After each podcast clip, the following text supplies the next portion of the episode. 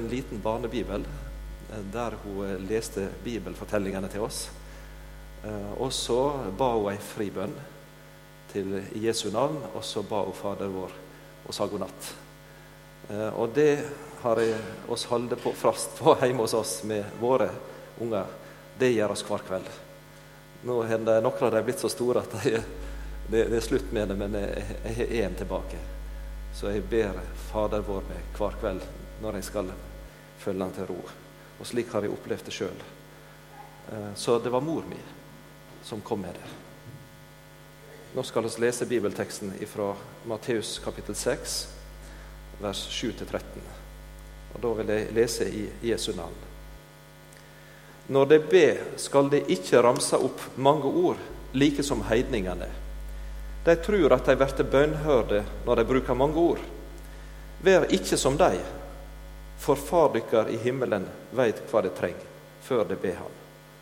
Difor skal de be såleis.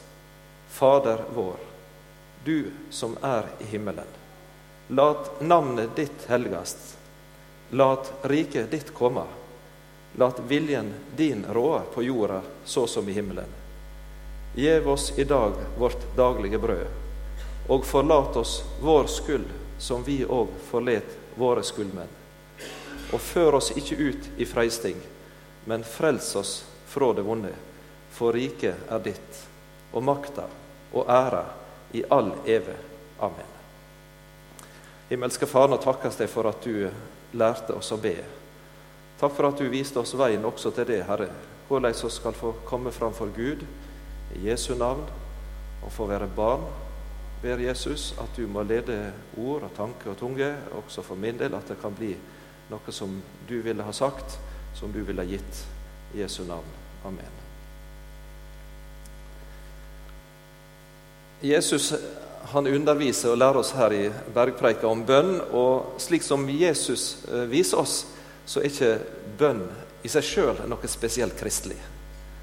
Eh, dere ser at Jesus nevner på det at eh, han nevner på heidningene. De som ikke kjenner Bibelens Gud. De ber også, sier Jesus de ber også, med stor iver og med sterk innlevelse. Men Jesus må si til sine at når dere ber, så skal dere ikke be slik som hedningene ber. De ber, men de ber ikke på rette måten. Og det har jeg fått lov til å sette litt grann av som eh, misjonær. da, At når en eh, kommer litt rundt i ulike kulturer og med forskjellige folkeslag, så vil en finne gudstilbedelsen. Og en vil finne tempelet og offeralteret, og en vil finne bønn nesten hvor du vender deg. Det er ikke mange ateister i verden, egentlig. Og Rikard Wurmbrandt, den eh, rumenske jøden, som også var luthersk prest, han eh, sa det at 'jeg har eh, aldri sett et menneske dø som ateist', sa Wurmbrandt fra Romania.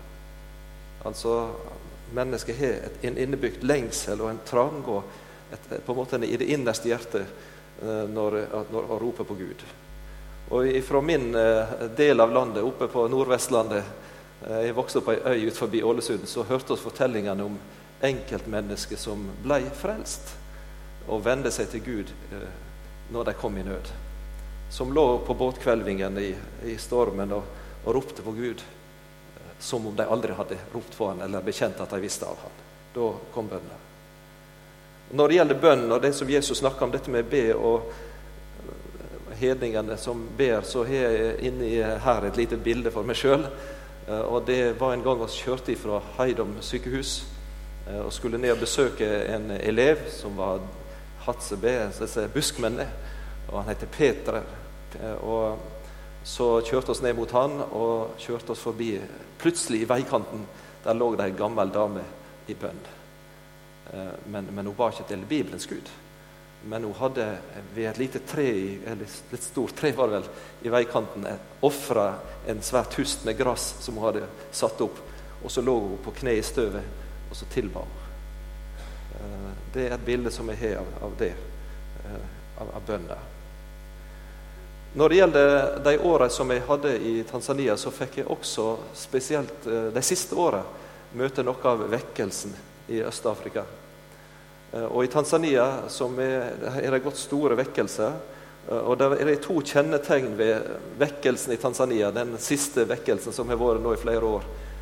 Og Det ene det er trangen til å vitne. At en går fra hus til hus og sier noe om Jesus. Og det andre det er bønna. Og, og, det er så sterkt og så karakteristisk at jeg må si at jeg som norsk misjonær som har reist ut og skal gi dem noe, ofte har blitt gjort helt til skamme. I møte med den iver og den nøden som de tanzanianske vekkelsesfolka har i møte med dette. For de ber alltid. Og jeg må nesten si nesten i tide og i utide, eh, sånn som det er. For når de står opp om morgenen, så ber de. Og når de skal spise, så ber de. Og når de får gjester i huset, så ber de. Og skal de i åkeren, ja, så ber de. Og Det er flere ganger at jeg hadde vakt på skolen og sto klokka seks om morgenen. og Elevene sto framfor og de skulle ut i åkeren og hakke. Og jeg fordelte oppgaven og sa at dere gjør det, og dere gjør det. Og så går vi i gang, sier Og så var det en som sa ja, men lærer, sa han, du har glemt en ting. Du har, du har glemt at vi må be til Gud om velsignelse og vern over liv og helse og arbeid som hun skal gjøre. Og så ble jeg til skamme. ikke sant? Sannelig hadde jeg glemt det. Og Vi eh, hadde en liten bokbutikk på bibelskolen der elevene fikk med seg kristen litteratur som de solgte i jul og i påske og sånn, og fikk prosent av det. Jeg hadde med meg en gang to elever som skulle prise bøkene. Og Jeg ga beskjed og her er lista med prisene på ulike bøkene. og Her ligger de, og dere skriver sånn. Og, og, og så sa jeg 'sett i gang', sier. Og da var det en som sa ja, men lærer, du har glemt en ting, sa han. Du har glemt å be. Og så hadde vi et lite bønnemøte og folde hendene og ba oss over litteraturen som skulle spredes, at den måtte bli til velsignelse. Det hadde jeg glemt. Og da blir en til skamme som norsk misjonær. Nå vet jeg at når jeg snakker om bønn, så står jeg ikke her som en ekspert på bønn og en som virkelig ber i tid og utide. Det er slik er det. Og jeg vet også at det er veldig lett for meg i møte med dere på et formiddagsmøte på Salem å skape dårlig samvittighet. Jeg vet at jeg kan trykke på noen få knapper her og stille et spørsmål. Ber du nok? Ja, så har du det. Så er du dømt, ikke sant? Eller mener du det du ber? Eller søker du Herren av et helt hjerte? Ja, så er samvittigheten der og dømmer deg. Det er jeg klar over når det gjelder bønner.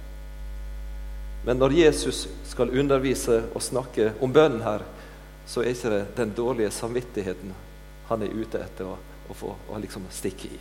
Det er ikke det han vil.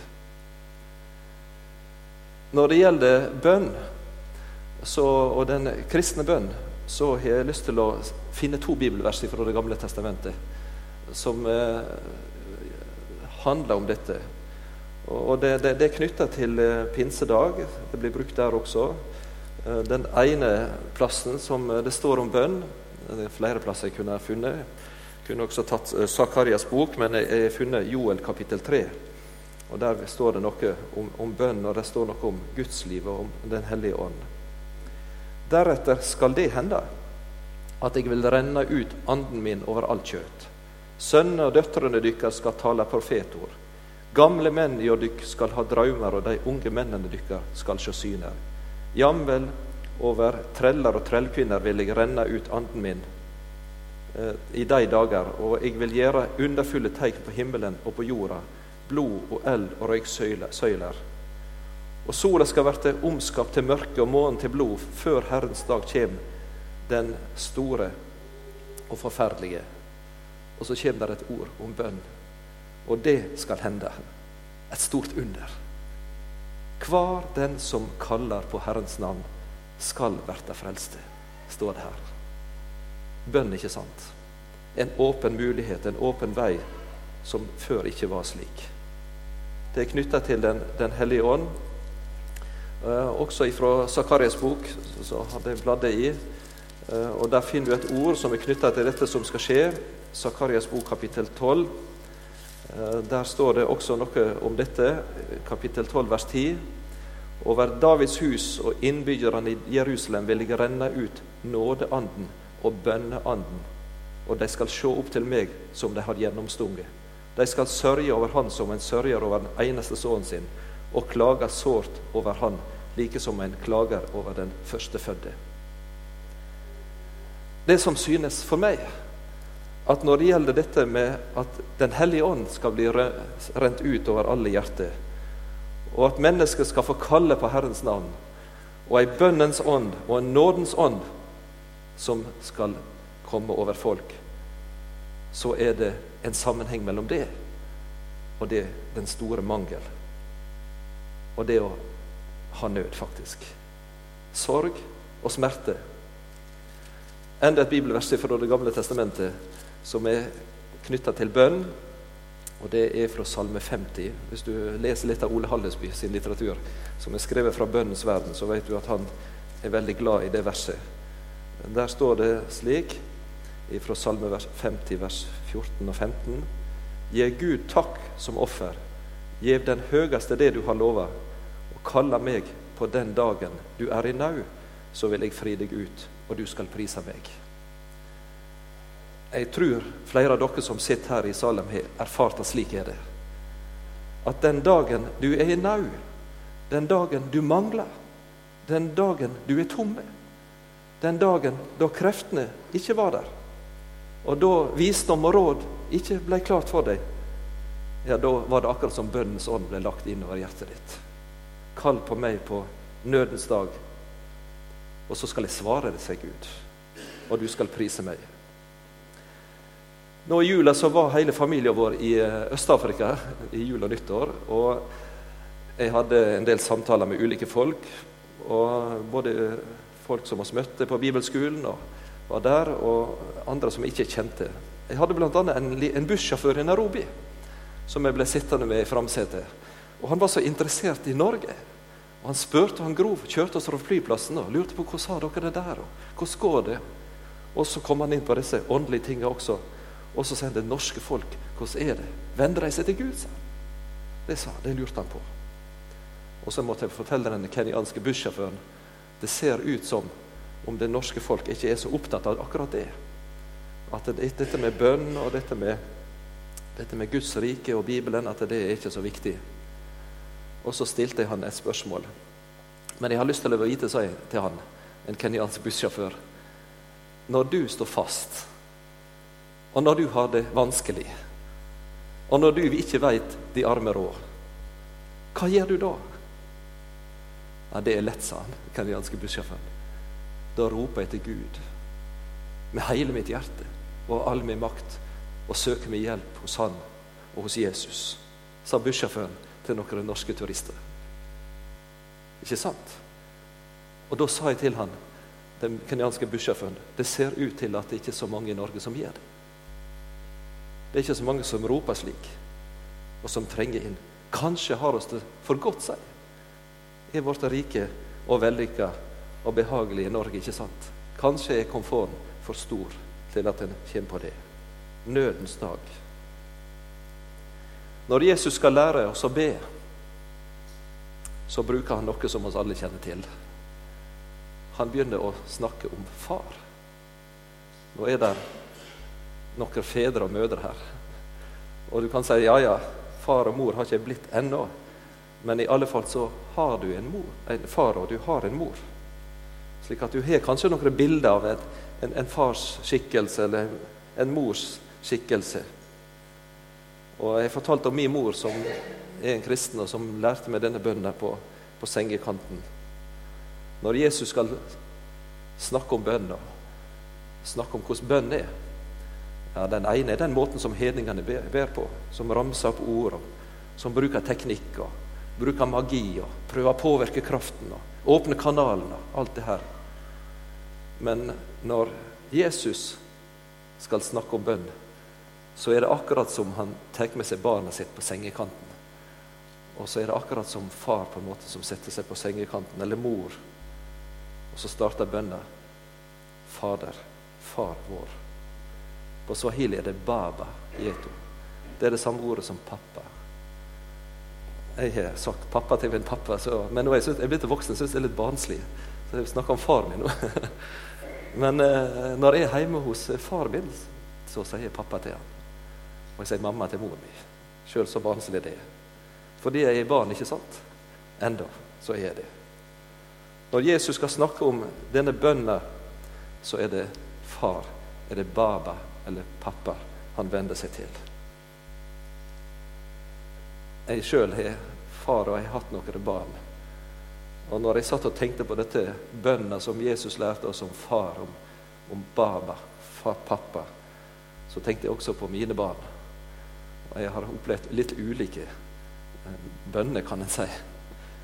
Noen ganger så er det hendt at eh, barnet eller tenåringen har sagt 'Far, jeg vil ha det slik, og jeg vil gjøre'. det. Og det har ofte vært intenst, ikke sant? Så intenst at kanskje en tenåring eller en unge til og med har slått døra i så det slamrer, eller trampa i gulvet i sinne og frustrasjon og sagt 'Slik vil jeg ha'. Far, slik. Og opplevd at far mente noe annet. Andre ganger så har en kommet og opplevd at barnet sier 'Far, kan jeg få?' 'Far, kan du gi?' 'Far, hva mener du?' Da kjenner en på at en blir glad. Det er noe med tilliten, ikke sant? At en søker liksom råd og hjelp. Andre ganger har en opplevd at barnet kommer 'Far, jeg får det ikke til. Kan du hjelpe?' Ikke sant? Og så prøver en så godt som en kan. Og andre ganger i mitt liv som far så har jeg opplevd at barnet ikke hadde ord, men at barnet bare gråt. Ikke sant? Kanskje hadde en ramla og slått seg og velta på sykkel eller skåret seg i fingeren med kniv. Og, har sett det. og så gråter barnet, gutten eller jenta, og kommer springende til mor eller far og, og løfter fingeren fram eller viser kneet som blør. Så vil en ha hjelp og trøst. Det er godt å være far når en opplever det. Så prøver en med sitt å gi trøst og råd. Fader vår er på en måte en slik mønsterbønn. Hvis dere leste i dagen eh, nå til helga som Odd Sverre Hove skrev litt om denne teksten om Fader vår i, i avisa der, og han er dyktig og eh, kan se språk og gresk og slikt, og han skriver litt ulike. Eh, og dette med språket og, og betydning av det. Og han sier, Odd Sverre Hove i, i, dagen, hvis du ser det, at ordstillinga er ikke ubetydelig, sier han. Hvordan du sier ting på. Det, det, det gir uttrykk for noe. Så han, han, var litt spørrende ikke sant, til den nye bibelårsettelsen, hvis du ser det. Dette med 'vår far'. Det, mener det, er det samme mener han. Men, men faren er, sier Odd Sverre Hove, at det setter oss og vårt først. Et lite signal, kanskje, mente han. Vår far, at oss kommer før far. Mens i den andre måten det er oversatt på, så er det far vår. Så er det far som er nummer én. Far som er førsteplassen. Og slik er det også på swahili. Baba yeto. Det er Baba som er førstemann, som er første ord, som er førstemann ute. Nå sier Jesus det, at du skal forvente deg til en Gud som vil være din far. Noen sier at du må være forsiktig med å snakke om far i dag. For det er så mange dårlige fedre, sier noen. Det er så mange ulykkelige barn som har hatt en vond oppvekst. Nå kjenner jeg ikke far din. Jeg kjenner min egen, som er men jeg kjenner ikke far din. Kan hende du har hatt en slik streng far. Det kan hende du har opplevd å vokse opp med en urimelig far. Eller en kravstor far. Eller kan hende du har opplevd det som er enda verre. Kanskje har du opplevd en likegyldig far som ikke bryr seg om det og har sett det når du trengte det. Det opplever mange. Eller det som veldig mange også opplever, kanskje har du vokst opp med en fraværende far. En som ikke var til stede. Kanskje var det skilsmissen som tok han fra deg. Så har du opplevd det. Det er det mange som opplever. Når Jesus snakker om far, så bringer han deg til en far som er slik en far skulle være. Den fullkomne far. Denne sanne, virkelige far. Som ikke bare vil være far på et papir eller i en slektslinje, men han vil være en levende far. For deg. Han vil være din far. Og har du manglet en slik far, har du hatt en far som har vært streng og urimelig eller likegyldig eller fraværende, så sier Jesus du skal få en ny far som du skal forvente deg til. Og det er Gud. Han vil være din far. slik en far skulle være. Derfor så er dette et evangelium og godt budskap for alle de som ikke har hatt far. Og alle de som har hatt en vanskelig og vond far, så skal de få en god far her, som er slik en far skulle være. Ja, Det er flere eksempler på dette i Bibelen, men i en av lignelsene som Jesus som vi forteller, som er så kjent, så kjent, der er det snakk om den bortkomne sønnen, ikke sant, som dere kjenner til. Han som roter det til og forakta egentlig hjem og far og, og vendte seg bort og, og ødela sitt liv. og i fest og fyll og ødela alt sammen. Og Der får dere et bilde av denne far, Fader vår, som du skal få komme til. Ja, I Lukas kapittel 15 så får vi høre om dette. Han vender seg til denne far. Han kommer til han. Jeg er ikke lenger verdig å kalles sønnen din, la meg få være som en av leiekarene dine. Så sto han opp og gikk til far sin, og medan han enda var langt borte, fikk faren se han. Han fikk inderlig medhynk med han. Han sprang imot han. Han kasta seg om halsen på han og kysste han. Ikke sant? Slik sier Jesus er Bibelens og himmelens far. Din far. Slik vil han være. En far for deg for Jesus skyld. Nå er det de som tolker tida vår og prøver å si det, at det, i denne beretninga om den bortkomne sønn, så sier de at vår tid er mer prega av noe annet. Og da er det Tveitereid han siterer tittelen på ei bok av Arne Garborg som heter 'Den bortkomne Faderen'. Han sier det er vår tid, sier han. Det er vår tid. Far er kommet bort ifra barna sine. I heim og i samfunn. Men Bibelens far, han er ikke slik. Far, din far, han vil være vår far. Og så kommer Jesus inn på dette med bønner. Jeg leste et lite stykke i Jærbladet. her Det sto om Hå kommune har lagt ut nye tomter i Stokkelandsmarka. ikke så langt ifra deres bor. Og de er blitt veldig populære. Eh, og det var slik at de, alle tomtene de, eh, som var lagt ut, det var flere som søkte på tomter eller det som det var tomter til. Eh, og så sto det at ordninga når du søker på tomt i Stokkelandsmarka sør på Jæren, så har du lov til å ønske deg tomt. Og du kan sette opp flere. Og det står i Jærbladet at du kan sette tomten opp i prioritert rekkefølge. Står det. Jeg vet ikke om noen av dere har vært borti det. Du har et første ønske, ikke sant? og så er det ønske nummer to. og Hvis du ikke får det, eller nummer to, ja ja, så får det gå med tre. Så får du liksom velge nedover på ei liste sånn. Når Jesus skal lære deg å be, så setter han opp på en måte ei prioritert rekkefølge i møte med Gud. På fanget til far, tenker du, for Jesus skyld. Når han skal lære oss. Og Da skal du legge merke til rekkefølgen på det som Jesus sier. Han sier det, dette med Fader vår, og så legg merke til bønnene som kommer. Du som er i himmelen. Lat navnet ditt helgast, lat riket ditt komme. Lat viljen din råde på jorda så som i himmelen. Legger du merke til at det er ikke dine behov og dine mangler som er nummer én? Men i Fader vår, og dette kommer enda enklere fram på swahili, som jeg har brukt, så står det egentlig at du som er, og ditt navn og ditt rike og din vilje står først. Det er prioritert rekkefølge, slik som Jesus tenker det i bønnelivet. Du og ditt, det er Guds. Ditt rike, din vilje, ditt navn det står først. I bønnelivet også, sier Jesus. Og så kommer vårt. Litt lenger ute i rekka. Gi oss i dag vårt daglige brød, og forlat oss vår skyld, som vi òg forlet våre skyldmenn. Det er veldig mye av bønnelivet vårt som er sjølsentrert. Det tror jeg vi opplever sjøl. Oss er så opptatt av vårt eget. Oss er så opptatt av våre problem. Oss er så opptatt av det som vi står midt oppi, og framtid og tanker og alt. Og det er godt, men det, er ikke nummer én, sier Jesus. Og når han får den rette plassen, så dette andre på rette plass også. Ditt navn blir stort. Ditt rike kommer. Det handler om misjon, ikke sant? Å bre ut Guds rike. Og din vilje først, Gud. Og så kommer vårt. Jeg håper Tida går så fort nå, så jeg får hoppe ned på det andre. Det er dette med vårt behov. Og Da nevner Jesus denne korte bønna 'Gi oss i dag vårt daglige brød'. Det er det helt grunnleggende livet som vi trenger. ikke sant? Og Det blir samla opp i takkebønna eller bordverset, hvis du vil ha det helt kort. Så Du kan lese Luthers katekisme, så finner du det der, eller forklaringa på det. Så står disse bønnene ramsa opp på ulike ting. Men eh, jeg vet at eh, i denne bordbønnen, eller takkebønnen, eh, så, så, så, så synger vi slik, ikke sant, eller ber slik.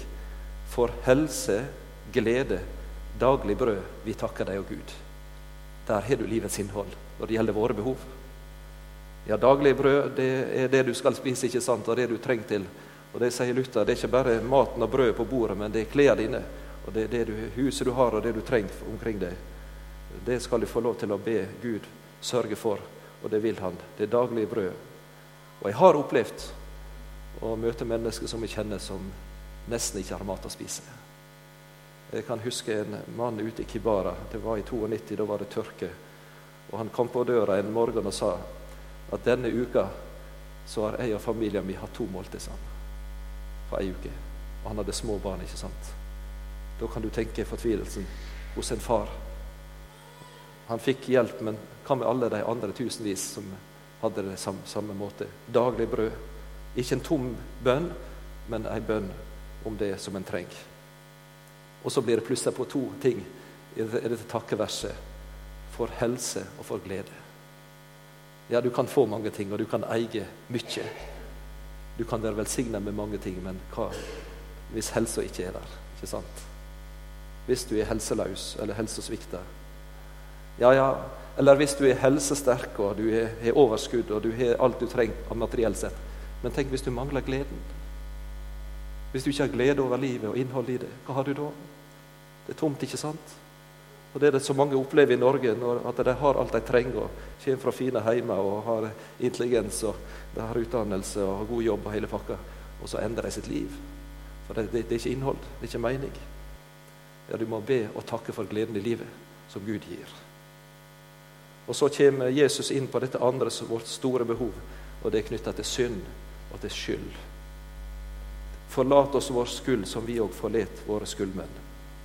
Jeg skal til slutt bare lese et vers fra Gamle Testamentet også knytta til det. Og Da har jeg blatt opp i, i eh, Jesajas eh, kapittel 55, eh, som det, kommer inn på dette. Det handler også om bønn. Og Der står det slik, Jesajas kapittel 55, vers 6. Søk Herren medan han er å finne. Kalla på han den stunda han er nær. Den gudlause må forlate vegen sin, den urettferdige tankene sine, og vende om til Herren, så skal Han miskunne seg over han, og til vår Gud, for Han vil gjerne tilgi alt. Slik er Han som er far for oss. Og så til slutt Han som er far, han er den som er rike og makten og æren i evighet. Han har det siste ordet. Han er full kontroll. Han er øverst, nummer én. Det er han du skal få gå til. Til slutt to episoder.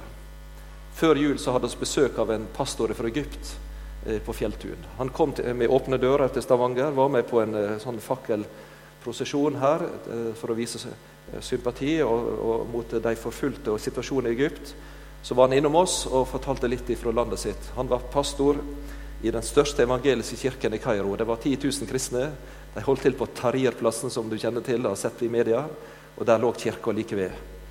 Han fortalte at de hadde bønnemøte hver torsdag, så samles menigheten. Og lenge så var det en 200-300 på bønnemøte, sa han. Ja, Det er ikke så verst, det, ikke sant?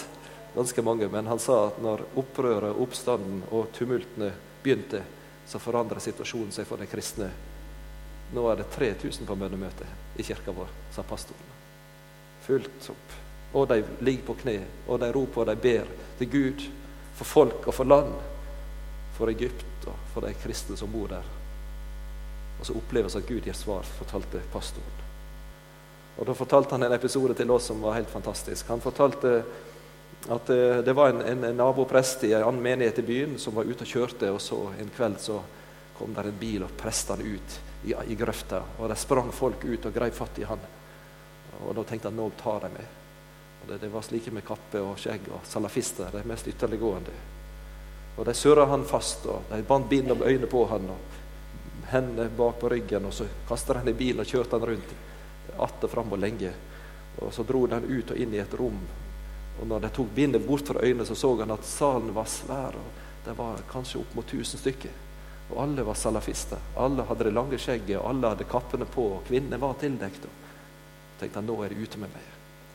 Nå, Gud, nå er mitt liv slutt. Men så sa lederen for gruppa, kjære pastor, jeg beklager at vi har tatt deg med hit. Men alle de som du ser her, de tror på Jesus, fortalte mannen. Og nå er det en ting vi har lengta etter, og som vi aldri har fått tatt del i. Og det å få ta del i Jesu legeme og blod, nattverden. Kan du hjelpe oss? spurte mannen. Og så fortalte pastoren det, dette, at han, han stilte opp og, og så leste innstiftelsesordet.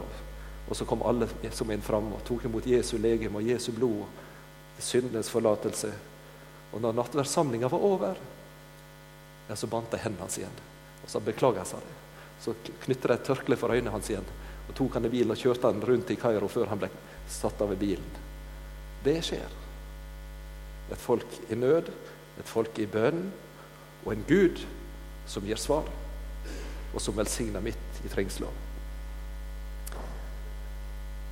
Helt til slutt et, Jeg har sagt det nå, men et lite personlig glimt av en dag jeg var i nød. Og Det var i første periode i Tanzania. Da opplevde vi at det ble veldig urolig. Og Det, det var en miks av litt sånn opprørsstemning og, og, og, av magi og trolldom og greier. De kalte det for kvelerbevegelsen. Kom inn der og, og, robba folk og gjorde forskjellige ting som var litt merkelige. Jeg skal ikke fortelle det, en lang historie. Men i den perioden så kjente vi på vanskelighetene og frykten for det vonde og for djevelen. og for, for, for sin, sin, fred og for vern og alt. Og oppi det hele så reiste kona mi og familien hjem til Norge, og jeg ble igjen alene på den stasjonen ute på Kibara som lå ute ved sjøen, langt unna bonden der Hilde og Ernst var inne der. Og så var det en kveld jeg ble så engstelig. Jeg kjente på liksom at uhyggen og mørket seig innover henne. Og tenkte at Gud, vil du berge henne og bevare henne? Og så neste spørsmål kan du gjøre det. Eller klarer du det? Eller går det ikke? Når en er engstelig og urolig, så vet dere at det ofte så, så er det hjelp i å sette på litt musikk eller litt lyd. Så jeg, jeg, gjorde rett og slett slik at jeg, jeg, satte på en kassett som jeg hadde lånt av en dansk medmisjonær. Tenkte jeg får spille litt på den og høre litt på noe annet. Og der, midt uh, inn i dette, så kom der en, en, en tale, en andakt, fra Danmark. Det var en liksom påskesamling. Og der var det en dansk forkynner som leste fra Salme 108, vers 17. Og der står det slik Du skal ikke dø, du skal leve og fortelle om Herrens velgjerninger. Og så sa denne forkynneren, hør, min venn, du skal ikke dø, men du skal leve. Kanskje et ord til deg som er engstelig, ikke sant? Som er opp til Gud. Du skal ikke dø, du skal leve, og så skal du få fortelle om Herrens velgjerninger. Livet Jeg må si at det, helt for meg sjøl Dette sier jeg ikke for å skryte, men helt automatisk når jeg, jeg satt der og var så fortvila, så mørkt, og det var, så, det var liksom så en ikke visste hvordan en skulle gjøre Når jeg hørte det, så kom freden i hjertet. Og gleden. Og vi hadde en gyngestol der ute, og jeg bøyde kneet på gulvet for meg sjøl og så takka jeg Gud for at han var til å stole på. Og jeg gråt, ikke i frykt, men i stor takknemlighet. Takk, Gud, for at du er en Gud som lever, og du er en Gud som er en far og til å stole på. Og du svikter ikke barnet ditt. Det har jeg fått oppleve, og det både én og flere ganger. Du skal ikke dø, du skal leve, og så skal du få fortelle her om Herrens velgjerninger. Kall på meg på nødens dag og jeg skal fri deg ut, og du skal prise meg. Himmelske Far, jeg takker deg for evangeliet i, bønn, Herre. At det handler ikke om prestasjoner. Det handler ikke om fine ord. Det handler ikke om sterk tro og overbevisning. Men det er den hjelpeløse. Den som er i mangel, den som er i nød, den som ikke veit verken ut eller inn. Han skal for Jesu navns skyld få sitte på fars fang og legge alt i hans hender. Jeg ber, Herre, at ditt navn og ditt rike og din vilje kunne skje og bli løftet fram også her i Salem og i vårt liv, Herre. Og at du kunne sørge for vårt daglige brød. Og takk for at du også er den som vil tilgi alt. Velsign oss du. Amen.